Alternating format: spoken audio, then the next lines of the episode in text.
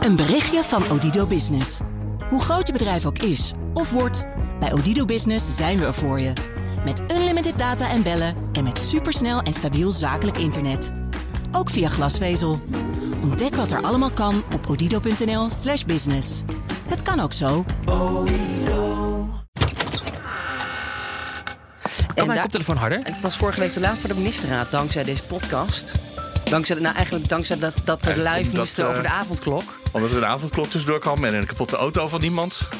Ja, Toch? sorry, excuses. Maar eh, We zijn op tijd. we zijn op tijd. Maar nu ga je dus ook de ministerraad halen. Eh, ja, dat hoop ik. Maar ze zijn zo snel klaar. Ze hebben niks meer te bespreken. Die Ik heb vanmorgen hier op de radio gezegd dat het waarschijnlijk een kort overleg wordt. Want ik zag dat eh, vanmiddag eh, in ieder geval eh, de premier, eh, of in ieder geval in dit geval VVD-leider Mark Rutte, nog naar de Gelderlander moet vanmiddag. En daar is die, heeft hij een live interview. Ja. En daar is hij halverwege de middag, geloof ik, tussen drie en vier. Dus dan zal de ministerraad niet lang duren. Nee, en die persconferenties, hè, die zijn dus speciaal afgeschaft op vrijdag. Vanwege de campagne, toch? Dat zou anders een campagnemoment kunnen worden. Ja. Voor Komt hij premier. naar buiten? Nou, nee, niet dus. Maar dat is raar. Dus hij heeft, ge- geeft geen persconferentie, de premier. Maar hij komt ook niet eh, naar de hal van eh, het ministerie van Algemene Zaken... om na de ministerraad de pers te woord te staan. Wat andere ministers wel doen. Ja, jammer, hè? Ja, en gaat hij dan via de achter? Is er een geheime uitgang via torentje? Ik zie hem wel eens bovenlangs. Je hebt daar boven die balustrade. Dan staan die be- beneden die ministers een verhaal te houden. En dan zie ik hem wel eens bovenlangs met een pak papieren naar het torentje lopen. Nou, maar goed, dus geen campagnemoment op de vrijdagse persconferentie. Maar we hebben volgende week een heel mooi campagnemoment op maandag. Maandagavond, ja. De coronapersconferentie. Ja. Kom Komt ik ga even zeggen dat dit Nieuwsroom Den Haag is. Dat je hoort Sophie van Leeuwen, Thomas van Groningen. Zelf ben ik Mark Beekhuis. En het is vandaag vrijdag 5 maart. Ik dacht, zullen we eens even gewoon... Dat, deze week kan dat namelijk. Alle vergaderingen in de Tweede Kamer bespreken. Nou, dat waren er niet zoveel, Het was maar. precies één. Eh, Gisteren was er een, Ja. een, een gesprek, een debatje. Ik Ja. bijna geen debat noemen Maar de meeste weken in het jaar gebeurt er meer. Maar dit is gewoon, eh, het is nu echt gewoon heel erg diep in het reces voor de verkiezingen. En ik heb dat ene ding niet eens gevolgd. Je hebt gewoon niet alle debatten gezien. Nee, nee. dat had gewoon Je had een zware week, hè, Thomas? Ik vond het wel zwaar, ja. Ja. Want je wist gewoon niet waar je het vandaan moest halen, al die verhalen. Nou ja, dit is natuurlijk, je doet, ik doe dit voor het eerst en, eh, als politiek verslaggever tijdens een campagne. En dan overal zie je plop, plop. En dan roept er weer iemand iets. En dan is het weer eh, hoe we op koek staan met de WW. Wat al gewoon in het verkiezingsprogramma van het CDA stond. Maar dan Ja, is dan ineens... Het opschrijft, is het nieuws. Ja, dan is het ineens nieuws. En ik, oh, moet ik hier nou iets mee? En dan is het weer plop dit. En dan is het weer eh, een gebbetje hier en een, en een zusje zo. En dan denk ik, maar wat is nou het grote verhaal wat nu gaande is? Dat vind ik heel moeilijk in, in campagnetijd om als, als verslaggever eruit te pikken. Nou, het verhaal begon natuurlijk deze week op maandag. Toen de verkiezingsprogramma's werden doorgerekend. Ja. Dat was een hele lange persconferentie waarbij iedereen en de planbureaus en de politieke partij, VVD en CDA, die waren er trouwens niet bij. Maar die moesten allemaal even uitleggen dat bedrijven meer gaan betalen en, en voor de burgers. Dat is een beetje het, het verhaal. En eh, het ging ook over het klimaat natuurlijk. Hè. De CDA haalt de klimaatdoelen niet. VVD wil het überhaupt niet laten doorrekenen, maar wel kerncentrales bouwen. Nou ja, zo begon de week. Wie was de winnaar van de doorberekeningen? De winnaar van de doorberekening. Wat Nou, vind je belangrijk? Wat wel interessant was. Dat, dat maakt alles uit Nou natuurlijk. ja, wie komt het meest gunstig eruit? Nou, iemand die daar echt stond te stralen, op maandag nog wel, was Henk Nijboer van de PvdA. Dat hield financiën van de Partij van de Arbeid. Want die had het voor elkaar gekregen dat dus eh, ja, ontzettend veel eh, geld gaat naar de, naar de zorg en naar het onderwijs en nou ja, naar de burger. Allemaal fantastisch nieuws. De bedrijven gaan het betalen en de staatsschuld blijft eigenlijk onder controle. In het plan van de PvdA. in het plan van de PvdA. Dus we, dus we, we gooien het helemaal om. Al het geld gaat van, van de, de bedrijven naar de burgers. Maar uiteindelijk kost het ons bijna niks. Ik zag gisteren Jacco van Hof alweer op tv daar eh, boos op reageren. Dat eh, bij de Partij van de Arbeid de rekening naar de bedrijven gaat. En die hebben het al zo zwaar. Ja, dus dat, Ja. Wordt, een, eh, dat wordt een soort van gevecht. Of een, groot taboe ook in die formatie. Of denk ik van, gaat de PvdA zijn zin krijgen? En de SP Het gaat voor een natuurlijk. groot stuk bij de PvdA volgens mij via de winstbelasting. Dus die bedrijf moet eerst winst maken voordat ze veel meer gaan betalen. En dan is het gewoon op papier weinig winst maken. Dat is dan, Dat de, is dan, eh, de, ja, de, nou, de, de truc. Maar daar hebben we vanmorgen eh, meneer Vuilbrief over gehoord, staatssecretaris eh, van Belastingen. Die zegt nee, maar dan nog, als je misschien minder belasting kan betalen, moet je toch gewoon blijven betalen. Ja, toch? en er moet dan een gedragscode komen voor Ja. het bedrijfsleven en, en belastingadviseurs. Vindt hij. Hè, voor bedrijven die belasting ontwijken. Of eh, ja, dat is, dat is gewoon geen lekker verhaal. We hebben een gedragscode, namelijk de wet. Wat moet er nog meer gebeuren? Want u gaat nu in gesprek met bedrijven en belastingadviseurs om te kijken hoe gaan we dat, hoe gaan we dat verhaal beter optuigen. Dat mensen meer fiducie Nou, krijgen. er- zit- Er zit natuurlijk er zit iets, iets tussen, en dat is ook mijn boodschap in het artikel, er zit iets tussen wetten en gedrag. En dat is, hè, dus niet alles wat toegestaan is wettelijk, hoef je te doen. Eh, En dat vindt hij dan niet als D66, maar dat vindt hij namens het kabinet, benadrukte hij nogmaals. Eh, Het hele kabinet wil graag dat bedrijven loyaal en veel gaan ja, betalen. dus je moet als bedrijf eigenlijk gewoon uit jezelf al vinden dat je belasting moet betalen. En dat, dat je het niet moet ontwijken of ontduiken. Wat is nou ook weer het verschil? Ontduiken. Ontduiken Ontwijken. is verboden Ja, en ontwijken mag. is... eh, Een grijs gebied. Ja, nee, ontwijken, ontwijken is legaal, maar oh, immoreel misschien. Ja. Ja, maar de, de echte winnaar misschien deze week was toch wel de VVD, hoor, denk ik, van Mark Rutte. Want die presteerde dus om hun eh, eh, verkiezingsprogramma niet te laten doorrekenen door het Planbureau voor de Leefomgeving op klimaat. Wij zien kernenergie richting 2030 geen bijdrage leveren aan eh, de vermindering van de, de CO2-reductie. Dat gaat je voor die tijd niet lukken. Dus vandaar dat het logisch is dat we het nu niet meenemen. Ik denk dat het richting 2050 absoluut op tafel komt. En dan gaan wij daar ook aan rekenen. En dan wel te roepen, we gaan inzetten op kernenergie, wat heel erg duur is. Maar ja, dat kun je niet uitrekenen voor 2030, want dan staat die kerncentrale er nog niet. En dat bommetje in het RTL-debat op zondag. Nou, even meneer Rutte. Sowieso kun je in Borstelen natuurlijk zou je er een bij kunnen bouwen. En er is ook een plek in Groningen waarvan gezegd is In dat men die graag wil. Ja, dus er is ook- Ah, dus in- Groningen wat al zo vaak Groningen wil. Nee, maar Groningen. Nee, nee, nee. Wacht Mag even. nu wacht dan nou ook even. Wacht. kerncentrale Maar eh, ik wil antwoorden op je vraag. Eh, in Groningen wil graag de energieprovincie zijn. Niet meer het aardgas wat we uit de grond halen. Daar stoppen we gelukkig mee. Maar Groningen wil wel de provincie zijn van de energietransitie. Daar hebben we het de hele week over gehad. Ook in het debat gisteren. En daar was ook weer Henk Nijboer heel erg boos. Waanzinnig uh, wanstaltig plan. De Groningers uh, zitten nog met hun handen in, de ha in het haar vanwege de aardbevingen. En Mark Rutte wil ze daar als beloning nog een kerncentrale bij geven. Dat gaat nooit gebeuren wat de PvdA betreft. Nou, nu bleek dat dus uiteindelijk vier dagen later zei hij opeens... nou, toch een inschattingsfoutje. Ja, ja. Vertel Ja. mij. Hmm. Ehm, oh, ik hoorde je hmm, al. Jij denkt niet dat dat een inschattingsfoutje is, maar dat ze gewoon doelbewust hebben zitten, zitten stoken. Ik denk niet dat de, de leider van de VVD, de premier van dit land... in een talkshow per ongeluk eh, een vergissing maakt... als hij dan met zo'n plan, dat dan echt terloops ergens op tafel En komt. hij zei Dat ook moet letterlijk ingestudeerd Eh, dat, zijn. dat de provincie Groningen een voorloper wil zijn in de energietransitie en graag mee wil doen. Dus daar zijn misschien wel telefoongesprekken over gevoerd al. Dat, dat, dat, dat komt er niet zomaar opzetten. Of zou die zich echt vergist hebben dat het niet de commissaris van de Koning in Groningen was geweest die die gesproken had, maar Overijssel of eh, Gelderland. Zeeland of Brabant, begrijp ik. Dat mijn achternaam hem zo beïnvloed heeft dat hij Groningen zei. Nou, Maar ik denk dat de briljante spin is. Op het moment dat je, je weet gewoon dat dan Henk Nijboer en, de, en al die Groningers eh, woest worden na al die aardbevingen. Er was nog een aardbeving afgelopen weekend. Hoe kun je dat dan, dan een kerncentrale daar neerzetten? Nou, op zich kan dat wel. Ja, ze staan ook in de planning hè, als mogelijke locatie. Dus in die zin is het ook niet zo gek. Al sinds- Eemshaven toch, geloof ik? Ja, sinds 1985. Maar vervolgens was dan het nieuws, want iedereen viel er overheen. Hij mag niet naar Groningen. Maar dat betekent dat hij inderdaad wel ergens anders heen kan. Dus toen ging het over inderdaad Brabant wil er misschien eentje, Borselen in Zeeland. Dus het ging opeens over waar zetten we die kerncentrale neer? Ja, en Bas van Dus Zalt deze- is al dit- aan het kijken, geloof ik, hè, of er een business case eh, gevonden kan ja, worden. er wordt ook al. Maar het is eigenlijk zeg jij, dit stuk van de onderhandeling heeft de VVD deze week gewoon binnengehaald.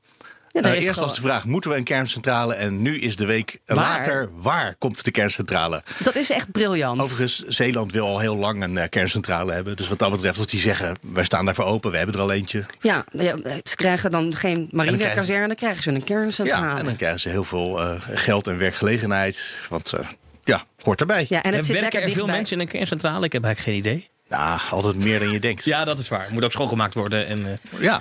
Nee, maar de, energie is natuurlijk wel een hele discussie. En je merkt wel dat een aantal partijen die eh, enorm op de trom blazen qua kerncentrales, dat die het op social media volgens mij merken dat dat, eh, ja, eh, dat, dat, aanges, dat mensen dat fijn vinden. Of in ieder geval dat daar in ieder geval groot publiek voor is. Ik zal niet zeggen dat er een meerderheid voor is in Nederland. Maar je merkt wel dat als het gaat over kernenergie, dat valt mij op. Ik scroll heel veel nu de, de social media accounts af van bepaalde partijen. Dat posts die gaan over we willen een kerncentrale bouwen in Nederland.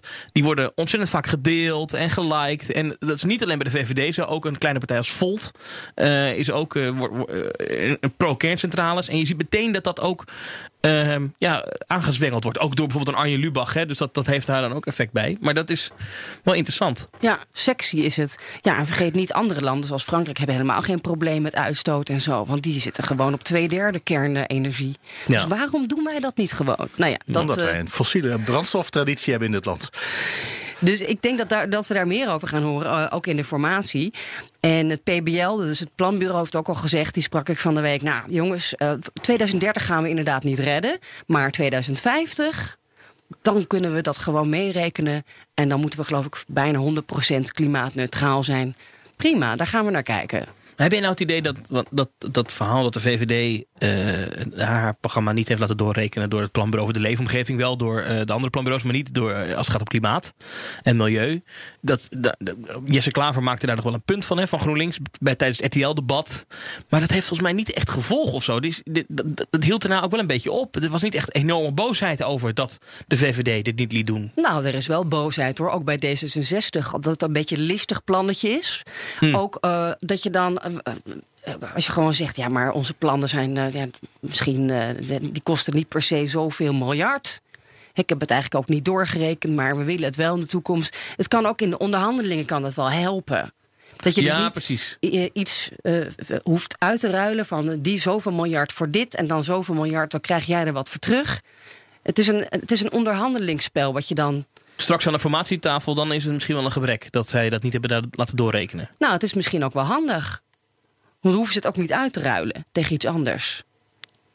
Nou ja, het is een soort van. eh, Ja, ja. eh, ja daar, daar zijn ze in de eh, D66-kringen en zo nogal verbolgen over. Ja, maar ik heb niet het gevoel dat het Onder breed- kiezers, waar je onder zegt, kiezers. Nee, maar de- ehm, als je, van, de, van de VVD verwacht je ook niet echt per se veel klimaatbeleid, toch? Nou, dat is Dus, toch ook eh, een beetje groen-rechts geworden? Eh, dat is een term die meneer Rutte twee verkiezingen terug een paar keer gebruikt heeft. Ja, Ja. maar daar hebben we hem nooit meer over gehoord. Nee. Maar dat Nou. is wel een groene partij in die zin geworden. Dat Rutte is veel bezig met klimaat. Nou ja, vooral in het buitenland. Ook ik ga dat, toch interessant. ont- ik ga dat ontkennen, geloof ik. Maar Oh. goed, ik, eh, Interessante ook opmerking die ik gisteren hoorde van de, de sta- staatssecretaris demissionair Hans Veilbrief. die, eh, die zich ergert over. eh, iedereen roept we gaan de Green Deal eh, natuurlijk gewoon eh, met z'n allen fijn sluiten in Brussel. Hè, Misschien in het najaar. Eh, vervolgens ehm, zegt hij ja, maar we hebben een, eh, een veto eh, in Europa. En daar moet het ook over gaan in deze, deze campagne. Een- die Green Deal kan gewoon weggevetoed worden. Ook door Nederland, maar met name door landen zoals Polen of Hongarije. En zolang dat niet opgelost is, met name het fiscale veto, is die Green Deal staat op losse schroeven. Die is helemaal niet zo zeker. Nee. Dus eh, de partijen als VVD roepen dat ze dat willen, maar ze willen niet het veto afschaffen. En dat dreigt ons deze week, of de komende weken, komende maanden, komende jaar eigenlijk nog een ander probleem, probleem op, op klimaatniveau. Dat is stikstof. Oh ja. Eh, omdat nu ook weer blijkt dat eh, een rekenmethode die gebruikt wordt voor de aanleg van wegen, voor het geven van vergunningen om een weg te bouwen, infrastructuurprojecten, die rekenmethode die gaat eigenlijk ervan uit dat stikstof eh, binnen een straal van 5 kilometer neerkomt en daarbuiten niet meer. Althans, dat wordt niet meer meegerekend. Ja. Nou, Als de het een weg is, hè, alle andere projecten moet je gewoon de rest van de wereld meetellen. Maar Ja. bij wegen komt het st- stikstof niet verder dan 5 kilometer. Ja, en dat is een hoop gedoe. En dat, dat levert nou. in januari was de Raad van State daar al over. En nu merk je dat in de media, toevallig vlak voor de verkiezingen. Maar goed, ik weet niet waar dat per se vandaan komt. Dat, dat toch blijkt dat dat wel eens een grotere crisis kan zijn dan we dachten. Omdat dat eigenlijk in theorie betekent dat je in Nederland geen weg of straat meer kan aanleggen. Onder andere de Telegraaf schreef erover vanmorgen. Het is toch een beetje raar, want er was nog een debat deze week in de Eerste Kamer, in de Riddershaal, met Carola Schouten over de stikstofwet. Ja. Nou, daar wordt volgende week voor gestemd, komt een eh, groene licht voor. En daarin wordt de bouw vrijgesteld. Volgende week gaat meteen in. Dus dan kun je dus huizen gaan bouwen en wegen. En Ja. dat los je dan op met ja, een paar rekensommetjes. Ja, maar dat is dus het ding, dat dat, dat verrekenen. Hè, dus je zegt bijvoorbeeld, we gaan een weg bouwen. En die weg, die, eh, die, die- dat heeft dat dan eh, x effect, zullen we maar zeggen. Dat mag je dan volgens die stikstofwet verrekenen met x effect van bijvoorbeeld een boer die je opkoopt en die stopt. Eh, dat zou dan prima zijn volgens in, in die nieuwe regels. Het probleem is een beetje, dan moet je wel goed uitrekenen wat het effect van het aanleggen van die weg is. En de, de, de rekensom die daarvoor nu gebruikt wordt, daarvan is gezegd, die is veel te gunstig. Daar, daar, dat, dat klopt niet. ja. Ook Dus- hebben we deze week gehoord dat de hele woningcrisis ook niet opgelost gaat worden in het volgende kabinet. überhaupt niet. Nee. Ook omdat, dat zegt PBL dan weer, het planbureau, te de weinig ja. arbeidskrachten. Niet genoeg arbeidskrachten ook. Nee, los Nee. van al die stikstofproblemen. Om die huizen te bouwen. We Ja, hebben te weinig bouwvakkers. ja. Nou, die kunnen we uit Afrika halen. Ja, dat is een goed idee. Dat is inderdaad wat ook in sommige verkiezingsprogramma's eh, wordt gesuggereerd. Zelfs bij het CDA moeten we misschien eens gaan kijken of we daar een deal mee kunnen Ja, sluiten. jij denkt nu, Mark, dat dat uit de lucht komt vallen, mijn opmerking over Afrika. Maar wij werden benaderd door. Ja, de, de Netherlands African Business Council. Ja. Die, die zijn daar heel erg voor. Gewoon Afrikanen met, met een, eh, een werkvergunning op de bouwplaats neerzetten. En die hadden verkiezingsprogramma's bekeken van Nederlandse partijen. En daarin bleek dat er toch best wel wat partijen waren in Nederland die zeggen: Afrika vinden wij een mooi land om mensen vandaan te halen. mooi continent, hè? Ah, continent. Je hebt gelijk, ja. Om, eh, En nog groot continent ook. ja, heel groot, ja. Maar eh, om dus meer mensen uit Afrika naar Nederland te halen. om hier eh, te komen helpen, bijvoorbeeld in de bouw of in andere ja, sectoren. want de Polen willen niet meer. Want die vinden dat verschrikkelijk hier natuurlijk. De huisvesting. eh, Ja. hè, En die Afrikanen betaald. vinden dat prima. Slecht betaalde, zonder huisvesting. Nou ja. Baantjes. Maar ook dat is weer iets. Hè. Sommige partijen vinden dat. Je hoort er in de campagne op dit moment niets over. Hetzelfde geldt overigens. Afgelopen week was ook een rapport over wat eh, massa-immigratie in Nederland allemaal gekost heeft in de afgelopen jaren. Een rekening van 400 miljard zou het zijn geweest. Nou ja, dat is natuurlijk korentenmolen voor eh, mensen die tegen immigratie zijn. Maar ook dat valt best mee in deze campagne. Qua qua hoe, hoe, hoeveel het erover gaat. het kost. Nee, hoeveel, het is weer heel veel corona. ja. ja, het zijn rare verkiezingen wat dat betreft. Ik vind het, ik vind het lastig, Sophie. ja, nog anderhalve week, dan ben je er vanaf. Ja, ik ben benieuwd wat er dan gaat gebeuren.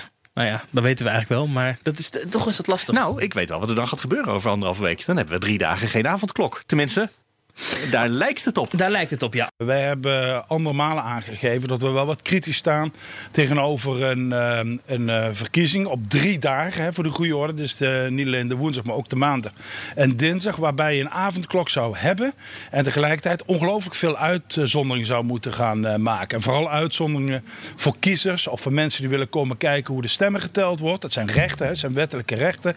Eh, die, die willen we en kunnen we ook niet aan de kant zetten. Maar hoe ga je dat doen? Moeten die mensen allemaal een verklaring krijgen? Van wie krijgen ze een verklaring? Dat geeft nogal wel romslomp.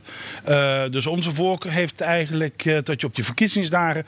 Ja, die avondklok moet je dan eigenlijk niet, niet hebben. Want dat gaat niet werken. Afgelopen week, eh, afgelopen maandag was er weer veiligheidsberaad. Dat is mijn wekelijkse uitje. Dan mag ik even weg uit Den Haag en uit Tilburg, maar dan naar Echt Utrecht. een traditie geworden bij jou. Ja. Ja, ik vind het ook leuk. Ik ga het straks jammer vinden als het stopt. Wat vind je er dan zo leuk aan? Nou, omdat het leuk is om. je hebt 25 burgemeesters en dat zijn 25. eh, toch wel ego's. Ja, het is flauw om te zeggen, maar dat zijn echt eh, mannetjes, mannetjes en vrouwtjes. ja. ja. en die komen toch binnen. En eh, ze, ze hebben vaak. Ik heb het idee dat ze een soort van appgroep hebben vooraf. Of een soort van mailinglijst waar een soort van talking point wordt afgesproken. Eh, maar je merkt gewoon dat er. Dat, dat, dat dat botsende meningen zijn, maar dat ze het niet helemaal durven zeggen. Want ze moeten nog gaan vergaderen. En de afspraak is dat de burgemeesters, sommigen, vooraf wel iets willen zeggen. Maar achteraf spreekt alleen Hubert Bruls, de burgemeester van Nijmegen. En de voorzitter van dat veiligheidsberaad. Maar ik vind het dus heel grappig om te zien hoe die burgemeesters binnenkomen met meningen die totaal uiteenlopen. Sommige, die, die, eh, Pieter Broertjes van eh, Hilversum, die is dan van de veiligheidsregio Gooi en Ja, die wilden alle terrassen open, toch? Ah, die, die is altijd goed voor een goede quote. Die, die zegt altijd iets. En de terrassen open. En dat kabinet gaat veel te ver. En hij was ook tegen de avondklok. Ja, dat is, en dat is toch. En dan na afloop, En dan afloop hoor je Bruls hem niet meer. En die zegt... En na afloop, maar- na afloop mag hij niks zeggen. Nee. Dus dan loopt hij zo snel langs de pers. dat is heel geestig. En, eh, eh, maar toch komt daar altijd. eh dat is tot nu toe altijd gebleken, heb ik al eens eerder gezegd. Wat je daar proeft bij die burgemeesters. En wat daar uiteindelijk afgesproken en gezegd wordt. Dat is heel vaak tot nu toe zo geweest in de coronacrisis. Dat is hetgeen wat het kabinet gaat doen. Want die burgemeesters die gaan over de uitvoering. Die moeten uiteindelijk. heel belangrijk. Die, Die moeten moeten het regelen. Dus als die burgemeesters zeggen: wij kunnen wat het kabinet wil niet regelen. dan gebeurt het ook niet. En er waren twee belangrijke onderwerpen maandag. Namelijk eh, de coronamaatregelen en de verkiezingen. Hoe gaan die door en eh, geregeld worden? Zullen we beginnen met de corona-dingen? Ja. Ehm, versoepelingen, daarvan zeiden eigenlijk alle burgemeesters, viel mij op. Eensgezind deze keer. Wij willen versoepelingen. Wij willen de terrassen open. Maar het gaat nu niet. Dus verwacht geen versoepelingen. Wij Dus- willen perspectief op versoepelingen. ja, maar ze, ze, ze, ze hebben allemaal wel dat het komende week, of in ieder geval zelfs misschien en enkele zijn zelfs deze maand, vond ik wel heel ver gaan, maar niet meer gaat lukken. Dus, eh, nou, Ja. dat- 1 april dus. Wellicht.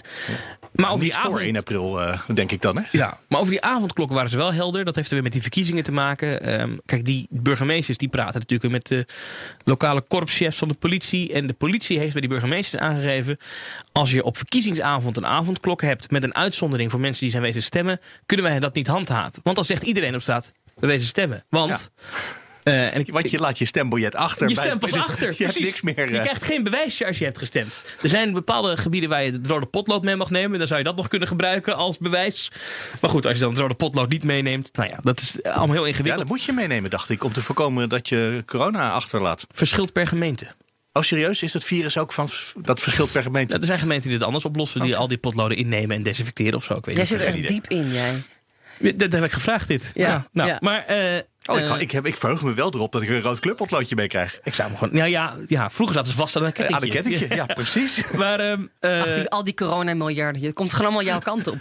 Eén rood kleurpotloodje, meer vraag ik niet. neem je die bij Ikea ook altijd mee? Eh, daar heb ik wel eens een potloodje aan overgehouden. Er was ooit eens een kind aangehouden van zeven die een hele bak had meegenomen. Maar dat geldt terzijde. Maar, eh, ja, van- Avondklok. Ja, avondklok. Die burgemeesters zeggen dat, dat, dat, dat de, de politie en de BOA's die kunnen dat niet handhaven. Want dan zegt iedereen, ja, ik ben wezen stemmen. Dus eh, zij stellen voor om eh, op de dagen dat de verkiezingen zijn... dat zijn de 3, 15, 16, 17 maart... om dan die avondklok te laten vervallen.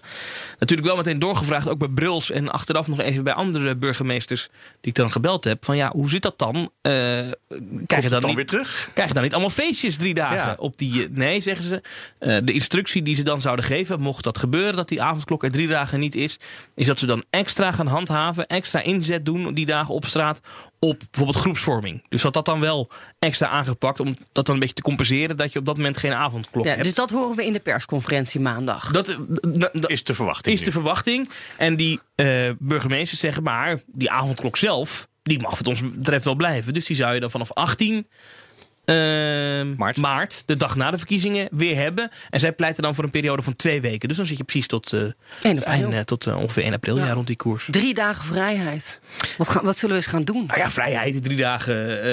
eh, Werken, denk ik. geen avondklok, maar dan zijn we druk bezig met die verkiezingen. Dus En jullie, ja, jullie moeten keihard werken, ja. de vraag is of het kabinet het overneemt Ik vroeg natuurlijk. me ook af, ik weet niet of jullie dat eh, uitgezocht hebben of weten. Maar eh, normaal, dan kan je s'avonds kan je naar het gemeentehuis om daar te kijken hoe de stemmen geteld worden.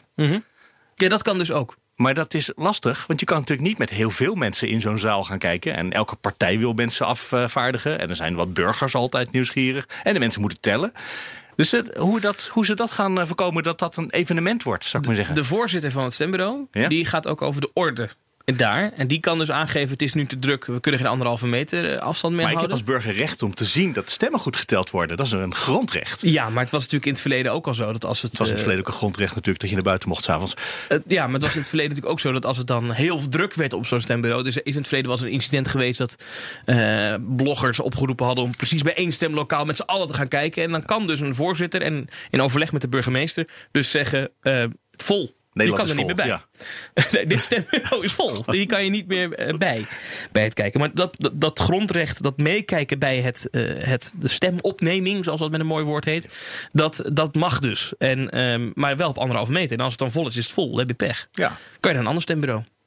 Ja, het gaat vaak op één centrale plek, toch? En, en meeste plekken wel, ja. ja dan, dan moeten de. de, de die, die, die, ik dat kliko, maar het is natuurlijk geen kliko. Maar de, de stembus moet dan verzegeld worden. En die gaat dan naar één plek. En daar wordt dan die telling gedaan. Of stemopneming. De stemopneming. Je bent, ook helemaal, ja, je bent echt helemaal goed Ik heb de ingevoerd. kieswet gelezen van de week. Want ik wilde namelijk weten hoe het zat met wat nou wel en niet mocht in, eh in stemlokaal. Omdat ehm, bij mij in de buurt heb je een poppodium. En die hebben een stembureau voor jongeren. Toen dacht ik, mag dat? Mag je als stembureau zeggen, eh, dit is voor één doelgroep? Mag niet. Oh, Eh, en het moet ook Je neutraal... mag het wel zo aankondigen, je mag het wel maar zo je mag het aankondigen. niet zo doen. Maar je mag niet mensen weigeren. Of in ieder, maar zij hebben ook een heel... Dat je daarna op de foto mag op het podium van dat poppodium en dat soort dingen. Ja, dat, er staat nergens in de kieswet dat dat niet mag. Maar het moet wel neutraal zijn. En er mag geen sprake zijn van beïnvloeding. Dus ik ga wel even kijken daar of dat, of dat, Ja. eh, hoe dat dan zit. Maar Leuk. daarom heb ik, had ik dus de kieswet Ja, eh, snap ik. Dan ga je bekeken. meteen even de kieswet lezen. Ja, vond vond ik Er interessant. zijn mensen die dat niet doen hoor. Maar over die verkiezingen. eh, Ollongren was daar dus ook maandag bij die burgemeesters om te praten over die verkiezingen. En waar we in het verleden nog wel eens verhalen hoorden, onder andere op BNR, maar ook bij NRC, van burgemeesters die zeiden: wij kunnen het niet, of wij redden het niet, of het is te ingewikkeld in coronatijd, of er is een tekort aan vrijwilligers. Ja, daarvan kwam de minister nu naar buiten met een verhaal van: nou, maar dat is niet meer zo. Het Alle is- seinen staan op groen. alle seinen staan op groen. Het gaat op rolletjes. Als er nog plekken zijn waar ze een tekort hebben aan stembureauleden, vrijwilligers, dan gaan we dat landelijk oplossen. Dus dan eh, als dan het leger inzetten of zo? Nee, maar dan is gewoon een landelijke. eh, mensen kunnen zich landelijk aanmelden. En dan kan het dus zijn dat er in een stembureau in eh Appingedam een Amsterdammer eh jouw stempas controleert. Noem even een willekeurige zijstraat. Maar dat is dus eh, wat daar afgesproken is. En ze zegt ook, ja, weet je, het, het zullen bijzondere verkiezingen worden. Maar alle seinen staan eh, inderdaad op groen. En het kan gewoon doorgaan. Dus is eigenlijk. Aan, ook wat de burgemeesters betreft, die dus de voorzitters zijn van de veiligheidsregio's, eh, geen bezwaar meer om dit eh, te organiseren. En dat past heel mooi bij het sowieso ook een thema van deze week. Het optimisme wat ineens terug is. In Ja. alles in de politiek. Ja. Eh, en trouwens ook in de coronabestrijding, Sophie. Ja. Ja, Hu- Hugo de Jonge is, eh, heeft natuurlijk een wat voorzichtiger, hè, pessimistischere periode achter de rug. Winterdepressie had hij, hè? Ja, zoiets, weet je. Hij kreeg natuurlijk wat kritiek op die app. Dat ging allemaal toch niet zo snel als hij had gehoopt. En eh, de vaccinaties natuurlijk, die het misschien eerder hadden kunnen beginnen. Ehm, en nu eh, was sowieso, eh, liet hij het terloops een beetje vallen bij op één, geloof ik, op dinsdagavond. Wij spraken op woensdag nog even bij het ministerie van Algemene Zaken. Zo rond het torentjesoverleg wat ze daar altijd hebben. En toen zei hij toch echt, ja, we gaan het misschien gewoon redden. In deze zomer, voor de zomer, voor 1 juli. Allemaal ingeënt. Twee prikken of één Alle prik. volwassenen. Jullie allemaal. Ja. En ik vroeg me ook maar, waarom bent u nou opeens zo optimistisch? Ja, maar goed, dat had u zelf ook kunnen zien. U had gewoon eh, dat goed zelf kunnen uitrekenen. Alsof ik dus niet goed had gerekend dat het eigenlijk wel kon. Eén vraag nog, meneer de Jonge. Ja, van waar opeens dat optimisme? Voor de zomer een prik. Eerder ging, zouden we pas in het najaar, denk ik, eh, aan, aan de beurt komen. Grote delen van de Nederlanders. Nou kijk, wat ik altijd heb gedaan is gewoon met Nederland delen wat ik weet. Eh, de informatie die ik heb, eh, die mag u ook hebben, die moet u ook hebben. En dat is de reden dat ik alle keren de Kamer gewoon heb geïnformeerd. U hebt geïnformeerd over de aantallen zoals wij hebben afgesproken met de vaccinleveranciers. Soms zijn dat hele harde afspraken, soms zijn dat meer prognoses die zijn afgegeven door leveranciers. Maar daar heb ik u altijd over geïnformeerd. In totaal 84,5 miljoen vaccins eh, die we ter beschikking hebben. En ik heb ook altijd laten weten wanneer ik die verwacht. Eh, nou, in het tweede kwartaal verwachten we eh, ruim 16,5 miljoen vaccins. En als je dan gewoon het sommetje maakt, dan kom je uit op het sommetje wat ik maak. Ik denk dat we 18 miljoen prikken zullen hebben gezet op 1 juli. En ik denk dat van die 18 miljoen prikken, eh, dat daar zo'n twee derde van de mensen volledig mee beschermd kunnen zijn. En een derde van de mensen die eerste prik in ieder geval in hun arm hebben staan. En ik denk dat het perspectief van, nou in ieder geval heeft iedereen die dat wil, die eerste prik in zijn arm staan. Dat is een reëel perspectief. En ik denk dat dat ook een hoopvol perspectief is. En daarom wil ik dat delen. Is dat een nieuwe rekensom, een nieuw inzicht? Nee, dat is gewoon de rekensom die u ook kunt maken. U ook had kunnen maken, ook in de afgelopen week. Want alle getallen eh, die daarvoor aanleiding geven voor die som, die zijn gewoon bekend. En, eh, en ik denk wel dat we inmiddels steeds meer eh, confident zijn over de leveringen zoals die komen. Eh, kijk naar BioNTech Pfizer bijvoorbeeld. In het begin was dat nog ja, wat onzeker. Dat is ook begrijpelijk natuurlijk als je net begint te leveren. En als je als fabriek zelf ook helemaal geen enkele voorraad aanhoudt. Omdat je wil dat zo snel mogelijk die prik die van de band rolt ook in een bovenarm zit is het logisch dat in het begin die leveringen wat onzeker zijn. Maar inmiddels is Pfizer behoorlijk zeker over de leveringen. Heeft men ook gezegd, nou, we gaan in april gaan we naar 500.000 per week. Ja, dat zijn natuurlijk echt hele mooie berichten. Nou, Janssen eh, eh, is ook relatief zeker over het kunnen leveren eh, van die 3 miljoen waar we op rekenen. Nou, 3 miljoen, dat is met één prik. voor volledige bescherming is 3 miljoen ook echt een serieuze deuk in een pakje boter. Nou, en als je zo het sommetje gaat maken, dan weet je gewoon waar je vanuit mag gaan. En, eh, en natuurlijk, is altijd onder het voorbehoud van levering. En natuurlijk is dat zo. En ja, eh, het is, er zijn nog meer onzekerheden. Dat gaat over de mutatie van het virus bijvoorbeeld. Eh, het zou kunnen zijn dat er natuurlijk weer nieuwe mutaties gaan ontstaan... die zich echt onttrekken aan de vaccinatie. Maar gewoon met de kennis van, van nu, hè, met de wetenschap die we nu hebben over leveringen... ja, is het echt een hele reële verwachting. En die wil ik delen. Hij liet dat dus vallen. Ehm, met geen belofte erbij, hè? In de, in de tv zo. Dus hij kan geen belofte doen. Maar Hugo de Jong is weer optimistisch geworden. Dat Is- was echt Maar is hij optimistisch geworden of dacht hij... de verkiezingen komen nu wel heel dichtbij. Nu moeten we weer de mensen een beetje hoop gaan geven... zodat ze op ons gaan stemmen. Nou, ik heb nog even gebeld met het ministerie van Volksgezondheid. Van jongens, dit is campagne. Hoe kom je daar nou opeens bij? En die, die ambtenaren, ja, ja, maar Sofie, dat is geen campagne. We hebben, dat, we hebben dat uitgerekend, we hebben een sessie gehad. We hebben gepraat met Pfizer en al die leverancier. Janssen komt ook binnenkort eh, bij ons aan. Ja, met AstraZeneca weet je het natuurlijk nooit helemaal zeker. Hè, dus daar zit nog wel een onzekerheidsfactor. Ik probeerde gisteren of eergisteren nog spullen naar Australië te verschepen. Maar als we nou, nou een beetje optimistisch zijn, hè, dan het kan gewoon wel, Sofie. Het is geen campagne. Maar goed, toen dacht ik wel, luister Hugo de Jonge, eh, het is, de ene dag is het half leeg en dan is het half vol. Hè? Dus we hebben dus de, de, de pessimist, de jongen, en dan nu vlak voor de verkiezingen de optimist. Hugo de Jonge die zich weer manifesteert. En dat ook dan uitgebreid aan de, aan de pers natuurlijk mededeelt. En Maar dit, was ook, dit begon toch een beetje als een soort bijna terloopse... een- Nou, een, een klein inderdaad. dingetje eventjes bij op één. Wat ik zo in een bijzin zei. het begon een beetje net als die kerncentrale van, nou, van. Rutte Ja, op dat is de link die ik bedoelde. Van eh, ja, dat, was het nou een verspreking of een inschatting? Of wat, ja, waar kwam dat nou precies vandaan? Maar dat was natuurlijk volledig ingestudeerd met al die ambtenaren. Eh, we gaan nu inzetten op 1 juli. Dat is de nieuwe stip aan de horizon. We gaan perspectief bieden. En dat is natuurlijk ook een beetje het voorbereiden van die persconferentie van volgende week. Waarin we misschien niet gaan versoepelen meteen. Maar wel kunnen zeggen, jongens. Wie weet 1 april terrassen of, of eh, rond die koers in het tweede kwartaal. Want dan hebben we ook weer meer vaccins. En Ja. meer mensen ingeënt. En dan in de zomer gaan jullie allemaal fijn op vakantie. Maar wacht En even. veel plezier ermee. Die persconferentie die is komende maandag, 8 maart, omdat die avondklok afloopt op 15 maart. En ze moeten hem een week van tevoren verlengen. Daarom is die dan. Maar gaan we dan dus. Ik, ik, in, in Eigenlijk mijn is het een beleving, slecht nieuwspersconferentie natuurlijk, hè? In mijn beleving kregen we eigenlijk alleen maar te horen: wordt die avondklok verlengd of niet? Maar jij zegt eigenlijk nu: eh, het wordt één grote goed nieuws show voor de lange termijn. Met, met dan kan dit weer. En deze zomer wordt het kumbaya. En staan we allemaal dansend op het strand. Zo Nou, klinkt dat het toch komt- ook? Hij wordt moet- verlengd voor twee weken, zei je net. Mhm, Eh, waarschijnlijk. Vinden de burgemeesters. Die gaan er niet in eerste instantie over goed. Dat is- Mhm. En daarna eh, is het in 1 juli sowieso niet meer nodig. Want dan is iedereen ingeënt. Nou, dan, eh, dan trekken we die weken nog wel even. Maar dan is het toch wel campagne, Sophie? Als je in een persconferentie een week voor de verkiezingen gaat zeggen... nou, deze eh, belo- soort van beloftes gaat doen...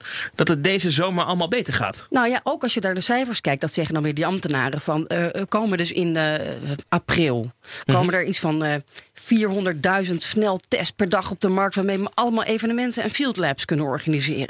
Weet je, dus gaan, er komt een soort Oeh, van. zeg je nog wel een woord waar we het over moeten hebben. Zo, field lab. Ja, Ja, eh, even, even noteren. Er komen dus wat cijfers. Als je een beetje gaat goochelen met cijfers. en je ziet van we hebben dus dan zoveel tests. Ja. En we hebben dan die groep gevaccineerd. En eh, misschien gaan we ook nog wel wat extra mensen één prik geven. Dat was ook nog een idee. We opeens oh, zullen we toch misschien één prik doen. Dan zijn we nog sneller.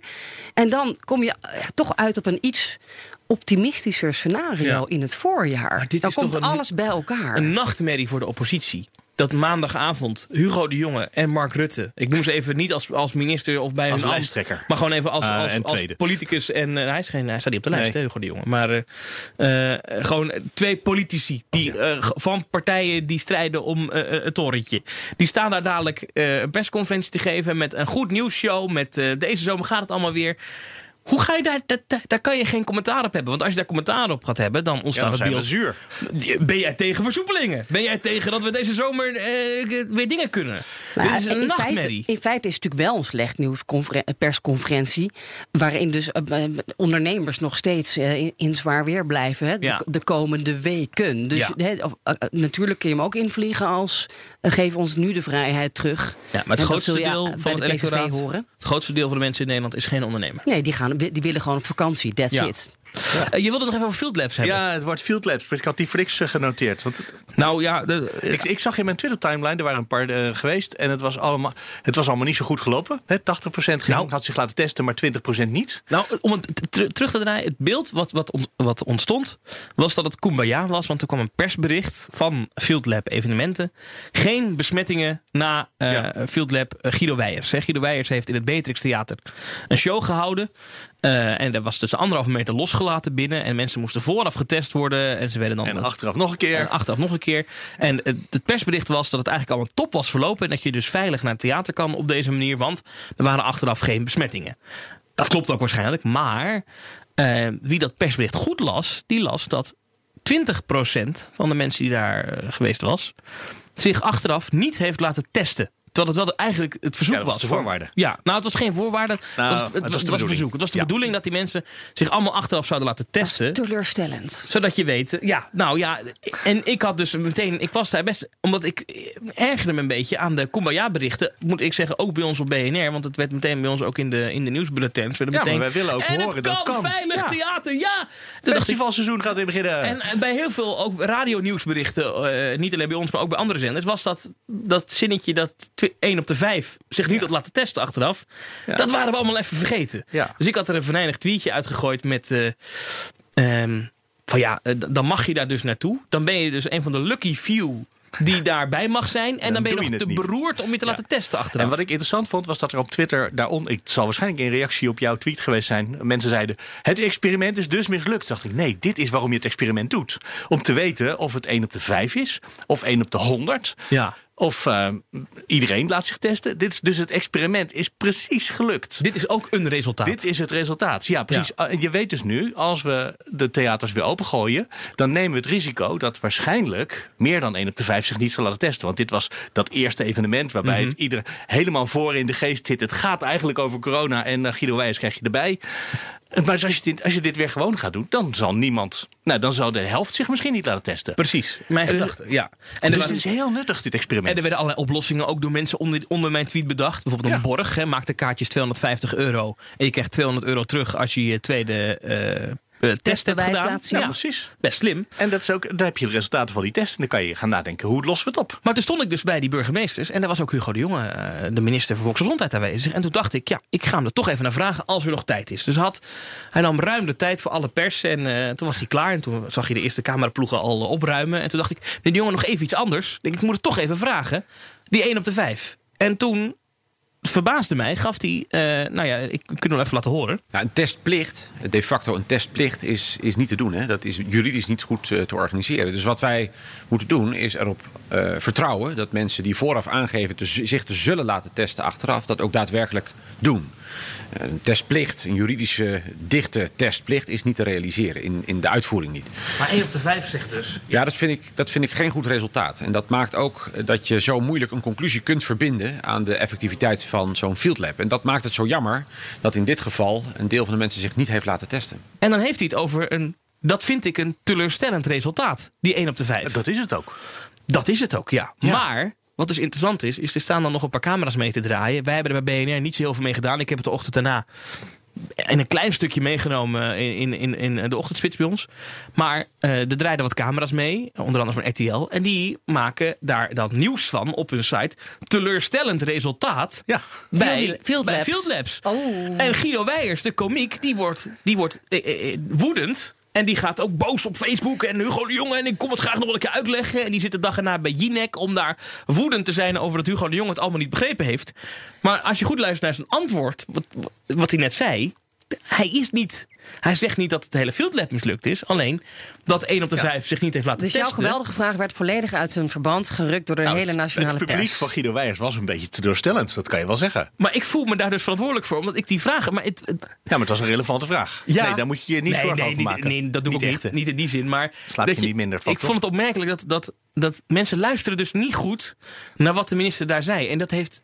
En mijn eigenlijke punt is, is dat dat een beetje ligt aan de minister. Want die moet dan ook duidelijker.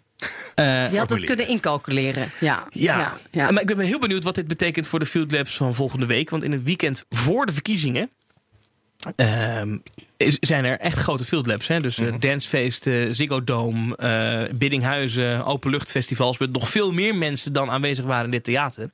A, gaan ze door. Ik denk dat we dat maandag zullen horen eh, bij de persconferentie. Of niet, of ze niet doorgaan of Ik wel. denk het wel. Dat denk ik ook wel. Ehm, maar de vraag is natuurlijk wat, wat dat voor effect gaat hebben. Of die mensen zich dan wel allemaal laten testen netjes.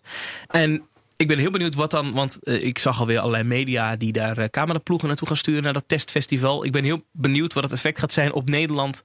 als wij beelden gaan zien op televisie van mensen die het heel leuk hebben... zonder anderhalve meter. Hoe, wat dat doet met, met, met eh, de mentale rust in ons hoofd. Dat wij nu nog allemaal heel erg spastisch moeten doen met al die coronamaatregelen. Maar dat we zien dat op tv dat mensen in Biddinghuizen het zonder anderhalve meter echt heel leuk hebben. maar echt heel leuk, Sophie. Oh, wat een ellende. Daar ben ik heel benieuwd naar. Nee, dat is gewoon goed nieuws allemaal. Oh, trouwens, we kregen ook nog een compliment deze week van de, de eurocommissaris eh, van de interne markt, Thierry Breton. Die was Wat op hebben wij bezoek goed gedaan? Vertel. Nou, die zegt: eh, Nederland is heel goed bezig met vaccineren. Het, eh, compliment voor dat ons. is toch ook wel eens leuk om te horen? Ja, voor ons het vaccinatiebeleid. Ja, maar we liepen heel erg achter. Met de eerste prik lopen we nu in de pas. Niet per se voorop, maar in de pas. Maar met de tweede prik lopen we wel achter nog steeds royaal. Maar hij zegt. Dus eh, wat hebben we nou zo goed gedaan? Je crois qu'aux Pays-Bas, ça se passe bien. Et je crois qu'il y a vraiment une, une- une- une très bonne prise de conscience. Ce qui est bien. Il faut que tous les pays fassent pareil pour que précisément on puisse avoir l'été le plus normal possible, auquel nous aspirons tous. qui est, qui est très important pour nous tous. Hij zegt al, al over het opschalen. Jullie hebben gewoon heel goed opgeschaald. Ga zo Ah, door. En ze proberen natuurlijk ook hè, bij de Europese Commissie zoveel mogelijk al die prikjes hier in de EU te houden. En dan niet naar de Verenigd, naar het Verenigd Koninkrijk. Dus daar wordt dan aan gewerkt. En hij was zelfs zo optimistisch dat, dat Breton zei. Ehm, eigenlijk, eh, ja, het is natuurlijk wel ja, prima dat de, de Tsjechen en Hongaren eh ja, Sputnik willen hebben. Hè, want dat was ook een rel van deze week. Iedereen grijpt dan maar naar het Sputnik-vaccin. Is hartstikke oké. Maar weet je, het zijn er, het, eigenlijk is het helemaal niet. Ze krijgen er 40.000 maximaal. Er is een gigantisch productieprobleem in Rusland. En wij, de EU, gaan Rusland, onze buren, daarbij helpen. Il va falloir de toute façon à un moment ou à un autre aider aussi le- tous les pays qui nous entourent, comme la- l'Afrique. Mais je pense qu'il faudra qu'on aide aussi tous nos voisins. Et, et- et- et je pense aussi qu'il faudra aider la, la Russie. Dus wij Terwijl gaan zij het goede vaccin helpen. hebben, gaan wij de Russen helpen. Ja, want zij hebben een groot probleem met, met productiecapaciteit. We gaan ook Afrika helpen. En eigenlijk ehm, ja, z- ziet de, toekomst er, er eh, ja, glorieus uit. Eh, 9 miljard heeft hij er geloof ik beloofd. En die gaan wij hier allemaal keihard produceren. Hij was op bezoek in Leiden, bij die fabriek waar dat dan ook vandaan komt. Het is helemaal geregeld. Het lijkt opgelost. Het is ook, ook goed nieuws. En ik zit nog even te kijken op Wikipedia van welke partij is het dan nou eigenlijk? Zou die van het CDA, van de VVD zijn, zou ik maar zeggen? In de Europese stroming. Hij is van de voormalige UMP. Dat is, Hij is eh, onafhankelijk, staat op Wikipedia. En Wikipedia geloof ik altijd. maar hij is wel voormalig minister van Jacques Chirac. Ja, precies. Ja? Dus dan zit hij toch aan de conservatieve kant. Ja, dus een beetje de, de Franse VVD. Ja. Ja, het is ook een, een man uit het bedrijfsleven. Een doorgewinterd politicus die heel goed weet dat je, dat je dus goed nieuws moet brengen. Terwijl het eigenlijk natuurlijk in Europa, ik weet niet, we stonden toch een beetje voor paal, denk ik, de afgelopen maanden, toch? Mhm. Met z'n allen. Dat het compliment eh, überhaupt eh, ter sprake kwam, eh, zegt iets over hoe het ervoor met ons ging. Ja, zoiets. Ja. Dus Dus zijn we linker rijtje? Ja, vierde geloof ik. Ja, geloof ik. ja, we zijn dus wel gestegen ongeveer. Maar hij wilde ook niet zeggen of we nou echt wel op die vierde plek zijn beland. Hij zegt, daar doe ik geen commentaar. Dat is Ehm, ook totaal onrelevant uiteindelijk. maar ik zat daar Nou, echt ik kreeg er toch een beetje WK-gevoelens bij. Ja? EK-gevoelens, ja. Ik hoor dan André Hazes, wij houden van oranje in mijn hoofd. Als ik dan die staatjes zie. Oh, dat heb jij, ja. Dat geeft niet. Maar ik zat te kijken op die persconferentie. Ik denk, wat gebeurt hier? Wat is dit? Ik was echt, ik was gewoon sprakeloos Maar bij. hij noemde echt alleen Nederland. Hij Maar was ik in vroeg hem Nederland. daarnaar. Ja, oké. maar Ik vroeg me ook over de Britten en uh, Boris Johnson en hoe geweldig die Brexit of eigenlijk is. Daarvan zeiden ja, maar de Britten hebben het ook heel erg zwaar. Je hebt echt heel zwaar. Ze zijn zo hard getroffen door de coronacrisis. Nou ja, dat even namens de, de Europese Commissie. Oké, maar Europa wel. is tevreden over Nederland. We zijn op de goede weg. Laten we het daarop houden. Het is wel een van de onderwerpen waar niemand het over heeft hè, in deze campagne. Europa. Europa? Ja. nou wel, eh Forum voor Democratie. eh, Oh, ik die, dacht die eh, Volt ging zeggen. Maar Ja, oh ja, Volt. Ja, Volt is zeker een Europese partij. Eh, vanmorgen waren ze op BNR trouwens. Maar dat geldt terzijde. nou, Eh, zullen we dat eh, vertellen hoe dat, hoe dat liep? Of is dat iets wat geheim moet blijven? nee, dat kunnen we wel vertellen. We hadden eigenlijk... eh, was het de planning. Eh Sofie en ik regelen dat niet hoor. Daar hebben we een extra redacteur voor die de, die, die gasten regelt. De, de De lijsttrekkers. politieke par- eh, gasten in de ochtendspits. Ja, die ervoor zorgt dat de lijsttrekkers bij ons naar uitzending komen. En Sigrid Kaag van D66 zou vanmorgen te gast zijn bij Bas van Werven. Eh, we hadden ook meegedacht nog over de inhoud. Hè. Wat voor gesprek moest dat dan worden? Ja, maar Sigrid? Kaag die kwam niet. Want eh, er was een agendafout gemaakt bij D66. En toen hadden ze gezegd, nou, het BNR vinden wij ook niet zo leuk. Nou ja, een agendafout. Kijk, ik weet natuurlijk niet... Zij is natuurlijk ook nog wel minister. Dus ik weet niet... eh, oh, dat zou misschien wel met de ministerraad te maken hebben gehad. Die om half tien begint. Ik ga het er zo over vragen. Ja. Waarom, waarom was was u er niet? Ja. En ik denk eigenlijk dat het wel logisch is dat het met de ministerraad te maken heeft. Want eh, die begon om half tien. En zo zou om half negen bij ons in de uitzending zijn. Ja, dan kun je toch wel even inbellen.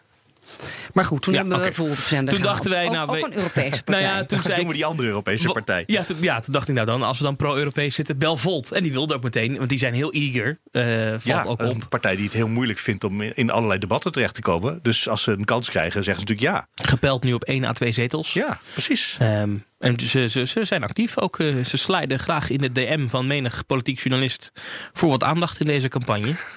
Ehm, ja, je kan niet eh, zeggen dat. dat of, eh, laat ik zo zeggen, ze zijn niet onopgemerkt, blijven ze. Ze, ze zijn, ik zie billboards. mee in de, in Flyers. Dus, eh, eh, eh, reclamecampagnes. Voor zo'n kleine partij is dat best opvallend. ja, ze zijn bijna net zo groot als Forum, waar je bijna over begon. Want daar Ja. wilde je ook iets over zeggen Maar natuurlijk. die hebt ook vaak over je Europa. hebt het ook vaak over twee zetels. Ja. Nou, ik was dus afgelopen zondag even in, in, in Zettergenbos, op de Pettelaarse Schans. Daar kwam namelijk om drie uur 's middags Thierry Baudet. En ik woon daar niet ver vandaan. dacht ik, ja, ik ga toch eens kijken. Want ik wil het toch gewoon meegemaakt hebben. Wat, die, die, die, die, die evenementen, die vrijheidskaravaan die hij heeft. Hoe, gaat dat er nou aan toe? Wat gebeurt daar nou eigenlijk precies? Dus ik, En heb je geknuffeld?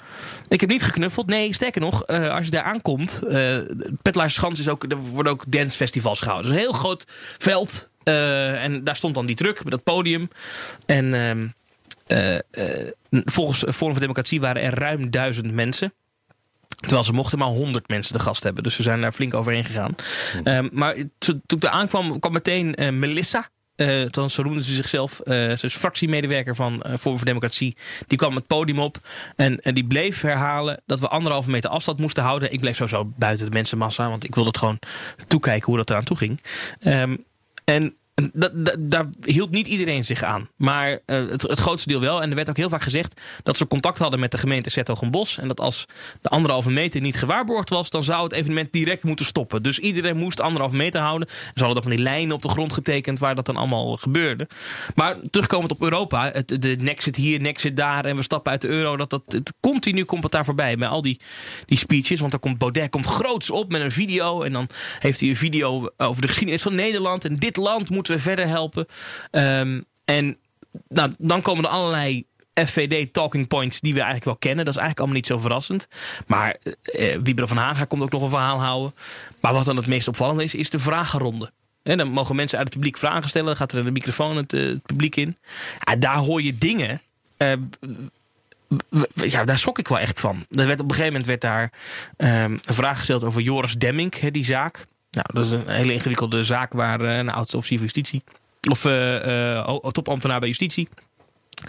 Eh, nou, dat is een, een bekende complottheorie over. Nou, daar kan je van vinden wat je wil. Alleen wat er opmerkelijk is, dat de vraagsteller daar dan ook Jaap van Dissel bij haalt. Dus die zou dan ook bij die zaak horen. En op het moment dat dat gebeurt, hoor je andere mensen op dat veld roepen dat Jaap van Dissel een pedofiel is. Echt waar. En ja, dat gaat dan best ver. En dan denk ik, nou, dan ben ik. Hoe reageert men hierop op het podium? En Wieberen van Haga die ging antwoord geven. En wat hij dan doet, is dat hij dan niet zegt, nou mevrouw, eh, Jaap van Dissel heeft hier niks mee te maken. Of het gaat niet over Jaap van Dissel. Nee, Wieberen van Haga die zegt, nou dat zijn inderdaad eh, kwesties. En, eh, dan de, zaak Demming, dat- we zijn daar nu niet mee bezig. Want we zijn nu bezig met de vrijheid terug veroveren in, in de coronastrijd. Maar straks, na 17 maart, gaan we eens even goed kijken naar Joris Demming. Zo. Dat zegt hij dan. En dan denk ik, maar waarom spreek je die vrouw nou niet tegen over dat? Want het is Ja, aantoonbaar gaat- dat Jaap van Dissel daar niks mee te maken heeft. Oh ja, wie weet dat hij daar ook wel naar wil gaan kijken. Dan vindt hij iets. Namelijk dat hij niks vindt misschien. Maar dat, Maar dat is toch, dat is nee, toch dat is heel raar. Het is raar. Ik schrok daar wel Maar van. het is ook raar van het publiek. Maar het is ook raar van, van Haga of van wie er verder op het podium stonden. Ja, en, en, meer dingen een voorbeeld? Want dit is zo één dingetje wat dan zo blijft hangen. nou ja, talloze complottheorieën over corona en dat de Wereldgezondheidsorganisatie en dat het een complot is en dat, eh, ehm, er een, eh, dat, dat onze landelijke politici voor een groot deel onderdeel zijn van een groter geheel. Hè, dat, is, Dat is, dat, is waar trouwens. dat de ze- Verenigde Naties heet dat. Nee, maar dat ze bestuurd worden, dat ze zelf geen keuze hebben in hun, eh, geen vrijheden hebben in hun keuzes, maar dat alles wat Rutte doet opgelegd is. Nou ja, dat is natuurlijk een, echt een complottheorie. Ja. Ehm, en ehm, het OMT, dat is de witte jassengroenta. Nou, vind ik ook nogal een vergelijking. Ja. Eh, en dat, dat, soort, dat soort teksten hoor je daar dan. En verder, eh, de sfeer is wel heel relaxed, moet ik zeggen. eh, op zo'n evenement. En dan is het Ze afgelopen. schreeuwen die redelijk extreme dingen in een hele relaxte omgeving. Ja, ja, het is niet. Ja, het, Het klinkt heel gek als je het zo komt niet agressief over of zo wat daar Nee, gebeurt. dat, dat, dat beeld Nou ja, ontstaat wel eens. Tenzij Joris Demming of eh Jaap van Dissel, Dissel bent. Nou, ik denk dat als je Jaap van Dissel bent, dat je daar niet, eh, dat je Nee. daar niet veilig bent op dat Ja. veld. Dat- En wat ook wel, wel, wel eh, verrassend eh, is, is toch weer. Ik heb een beetje een déjà vu van. Van, dat is twee jaar geleden bijna, bij de provinciale statenverkiezingen. Weet je nog, toen was Mhm. er die aanslag. En toen kort voor de verkiezingen werden de campagnes. De tramaanslag in. Utrecht. De tramaanslag in Utrecht. De enige die toen doorging met, met toch wel groots campagne voeren nog even, dat was toen heel kort van tevoren, was Baudet van Forum voor Democratie. Ik heb een beetje een déjà vu. Als ik dan hoor dat hoeveel mensen daar staan, dat het toch een soort event is door het hele land, de karavaan. Terwijl wij nauwelijks met andere partijen eh, in contact kunnen komen in de campagne, omdat ze digitaal met een achterban eh, aan het vergaderen zijn. Het is toch een beetje gewoon eh, doorgaan en op, op die manier ja, misschien ook toch nog wel een beetje verrassing. Eh, voor verrassing zorgen in de, in de uiteindelijke verkiezingsuitslag. In, in de peilingen eh, staan ze nu op vier, geloof ik, maximaal. Dat is een beetje de uiterste van de, de rek waar ze in, eh, in zitten. Ik, hoorde van de week Peter Kannen, eh, die is van de INO, hè, die dus eh, eh, peilingen doet. Ehm, daar zat ik mee in een clubhouse. Heel hip. Ehm, maar toen vroegen we ook voor jou bij de Provinciale Statenverkiezingen zat, eh, scoorde eh Forum voor Democratie boven de peilingen. En toen zeiden ze daar, dat, dat daar wel echt naar gekeken is. Nou, wat hebben ze toen gemist? En zij zijn er wel van overtuigd. Er zit natuurlijk altijd een margin of error in, een foutmarge in, in peilingen. Maar zij gaan er niet vanuit dat zo'n verrassing als toen, dat dat er nog een keer in zit. Maar goed, het zegt nooit nooit natuurlijk. Peilers kunnen er ook naast zitten. Nou, ik moet het nog zien. Met Ja. die verrassing. En toen was het afgelopen en toen eh, ging ik naar de grote gele M. En toen ging iedereen die daar was, ging ook naar de grote gele M. En dat, was, toen was het extra, dat vond ik heel geestig. Het was een soort van vrijheidskaravaan bij de McDrive. Nou ja. Maar heb je je vermaakt daar op het veld? Of heb je je eigenlijk vooral geschokt gevoeld? Nee, maar ik, ik was daar niet om, om, om te. Ik was daar uit journalistieke overwegingen. Ik wilde gewoon weten wat, wat gebeurt hier Ja, ja maar Hoe gaat zo'n het eraan maar toe? zo'n dag kan nog steeds hartstikke leuk uitpakken. Of dat je denkt, Nou, ik vond het wel interessant. En eh, achteraf Oh, even ja. dat fotomoment, hè, want dan is het afgelopen en dan, dan, dan moet er een rij gemaakt worden. En dan mogen mensen op de foto met Thierry Baudet, als een soort van rockster. Gezinnen met kinderen staan ertussen, vriendengroepen. ehm, en, ik- en heeft ze allemaal geknuffeld. Bejaarden, nee, want hij doet het wel achter spatschermen. Oké. Eh, want er wordt ook, toen werd weer heel tijd opgeroepen dat als je niet in de rij stond voor een foto met Thierry, of je was niet aan het kletsen met Wiebren, zoals dan gezegd wordt, dan moet je weg, want anders kwam de politie het, eh, het, eh, het, het stoppen. En toen kwam zelfs nog een keer Baudet zelf nog een keer het podium op en toen zei hij, doe dat nou niet, want eh, de burgemeester hier die maakte een rapport op van hoe het hier eraan toegegaan is. En dat gaat naar andere steden waar we nog naartoe willen. En als het dan hier misgaat, dan mogen we daar niet meer naartoe. Maar ze zijn tien keer overtekend. Er, was, er mochten 100 mensen, er kwamen er duizend. Zelfs als hij een beetje overdrijft, waren het er misschien 500. Eh, dat zou toch de volgende burgemeester te denken moeten, eh, moeten geven. maar in Nijmegen hebben ze wel ingegrepen, hè, de, de politie daar. Dat was een, paar dagen later was dat. Ja, precies. De Tot vrijheidskaravaan. Ja, de campagne. Nog ruim een week. Je zegt het met een zekere weemoed nu al. Hoe vaak ga je nog koffietijd kijken? in De vijf uur show en... eh, Oh, dat wou ik jullie nog vragen. Kijken jullie nou echt naar al die debatten en interviews? Ik heb gisteren gedacht, ik moet toch één ding met eh, de, de premier een keer zien. Toen zat hij bij de vooravond en eerst ging het, ik dacht het ging over een songfestival liedje. En het voordeel van songfestival liedjes is dat die maximaal drie minuten duren. Dan moeten ze klaar zijn, anders dan ben je gedisqualificeerd. Maar daar gingen ze volgens toch nog twintig minuten over praten of zoiets... voordat de premier daadwerkelijk iets ging zeggen. En, en kijken jullie al die dingen helemaal eh, tot het einde? Nee. Nee. Ik ben altijd een beetje teleurgesteld. Als ik dan in zo'n debat zie, dan denk ik na een tijdje denk ik, nou nu weet ik het wel. Het is al heel veel herhaling van wat wij in de Tweede Kamer natuurlijk al horen. Ja. Heel veel ingestudeerd. Hè? Dat was ook zondag zo. Dus ik hou dat niet eh, vol. Ik kan dat niet uitzitten. Nee. Het was ook niet een onverdeeld genoegen in dit geval. Ik kijk wel veel, ja. Er zitten heel veel grappige dingen bij. Ik moet ik zeggen, eh, mag, mag ik complimenteus zijn? Ik vind dat onze publieke omroep het echt heel goed aanpakt. Die, eh, die NOS op 3 eh, eh, live sessies met die jongeren en die in gesprek gaan met, met politici. Dat zijn echt goede programma's. Ze zitten echt de, en omdat je merkt dat die, die politici krijgen dan dat is ook weer direct met de kiezer contact, dus met die jongeren.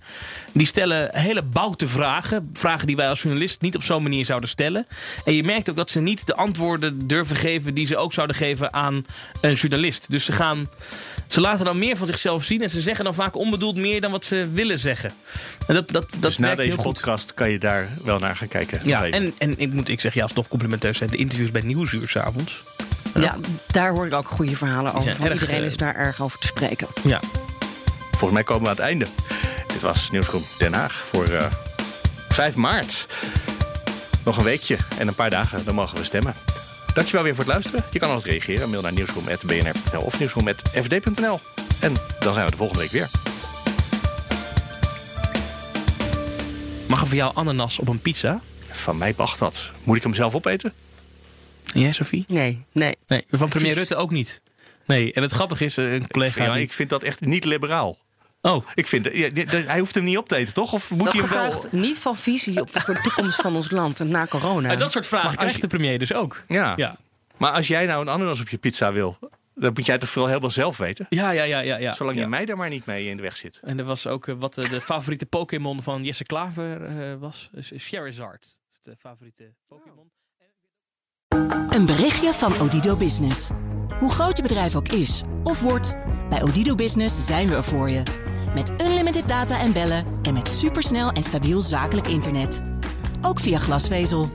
Ontdek wat er allemaal kan op odido.nl/slash business. Het kan ook zo.